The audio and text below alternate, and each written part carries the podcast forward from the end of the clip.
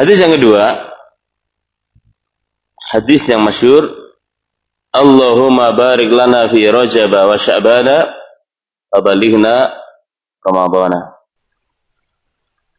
Sekarang ini sering di ya, dijadikan bacaan antara adzan dan iqamah terkadang sebagian oleh sebagian apa? Orang. Allahumma barik lana fi Rajab wa Sya'bana wa balighna Ramadhana.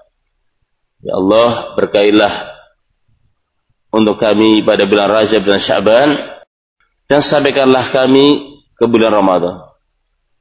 Bulan Rajab dan Sya'ban berilah kami barokah.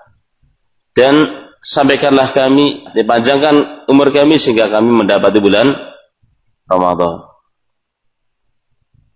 Hadis ini diriwayatkan oleh Al-Bazar dari Anas radhiyallahu anhu dalam syaratnya ada Zaidah ibn Abi Raqad Berkata Al-Bukhari, mungkarul hadis. Hadisnya mungkar. Demikian boleh hadis. Man adraka Ramadan bi Makkah fasama wa qama minhu ma tayassara lahu kataballahu lahu mi'ata alfi syahri Ramadan fi ma siwaha.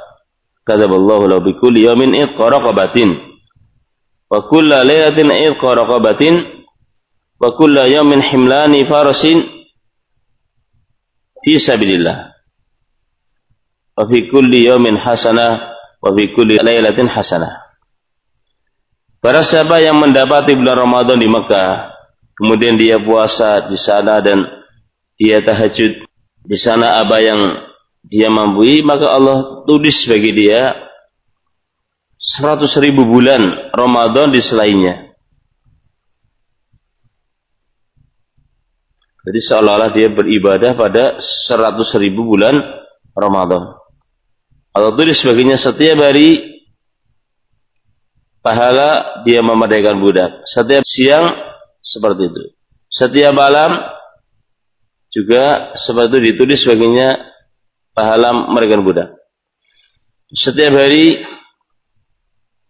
ditulis sebagainya memberikan perbekalan dua kuda atau memberikan perbekalan kuda di jalan Allah. Dan setiap hari ditulis kebaikan dan setiap malam ditulis kebaikan. Hadis ini barakallahu fikum. Kalau secara terhib ya, dorong untuk beramal sangat menarik sekali bagaimana seorang hanya ya mendapat bulan Ramadan di Mekah, kemudian dia puasa dan dia tahajud semampunya, seperti ini besarnya pahala. Namun, jangan dulu seorang kemudian ya bergembira karena ternyata hadis ini adalah hadis maudhu, hadis yang palsu. Tidak boleh seorang melihatkan hadis yang palsu kecuali dengan membeberkan kepalsuannya. Apa boleh seorang menyebutkan hadis palsu? Jawabannya boleh, asalkan dengan menyebutkan membeberkan apa? kepalsuannya sehingga umat tidak tertipu.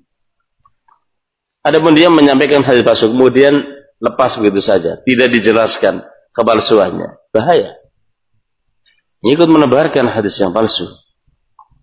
Menisbatkan kepada Nabi sesuatu yang Nabi tidak katakan. Berarti seorang memasukkan ke dalam agama ini sesuatu yang bukan dari agama. Hadis ini dinyatakan hadisun maudhu. Hadis yang palsu.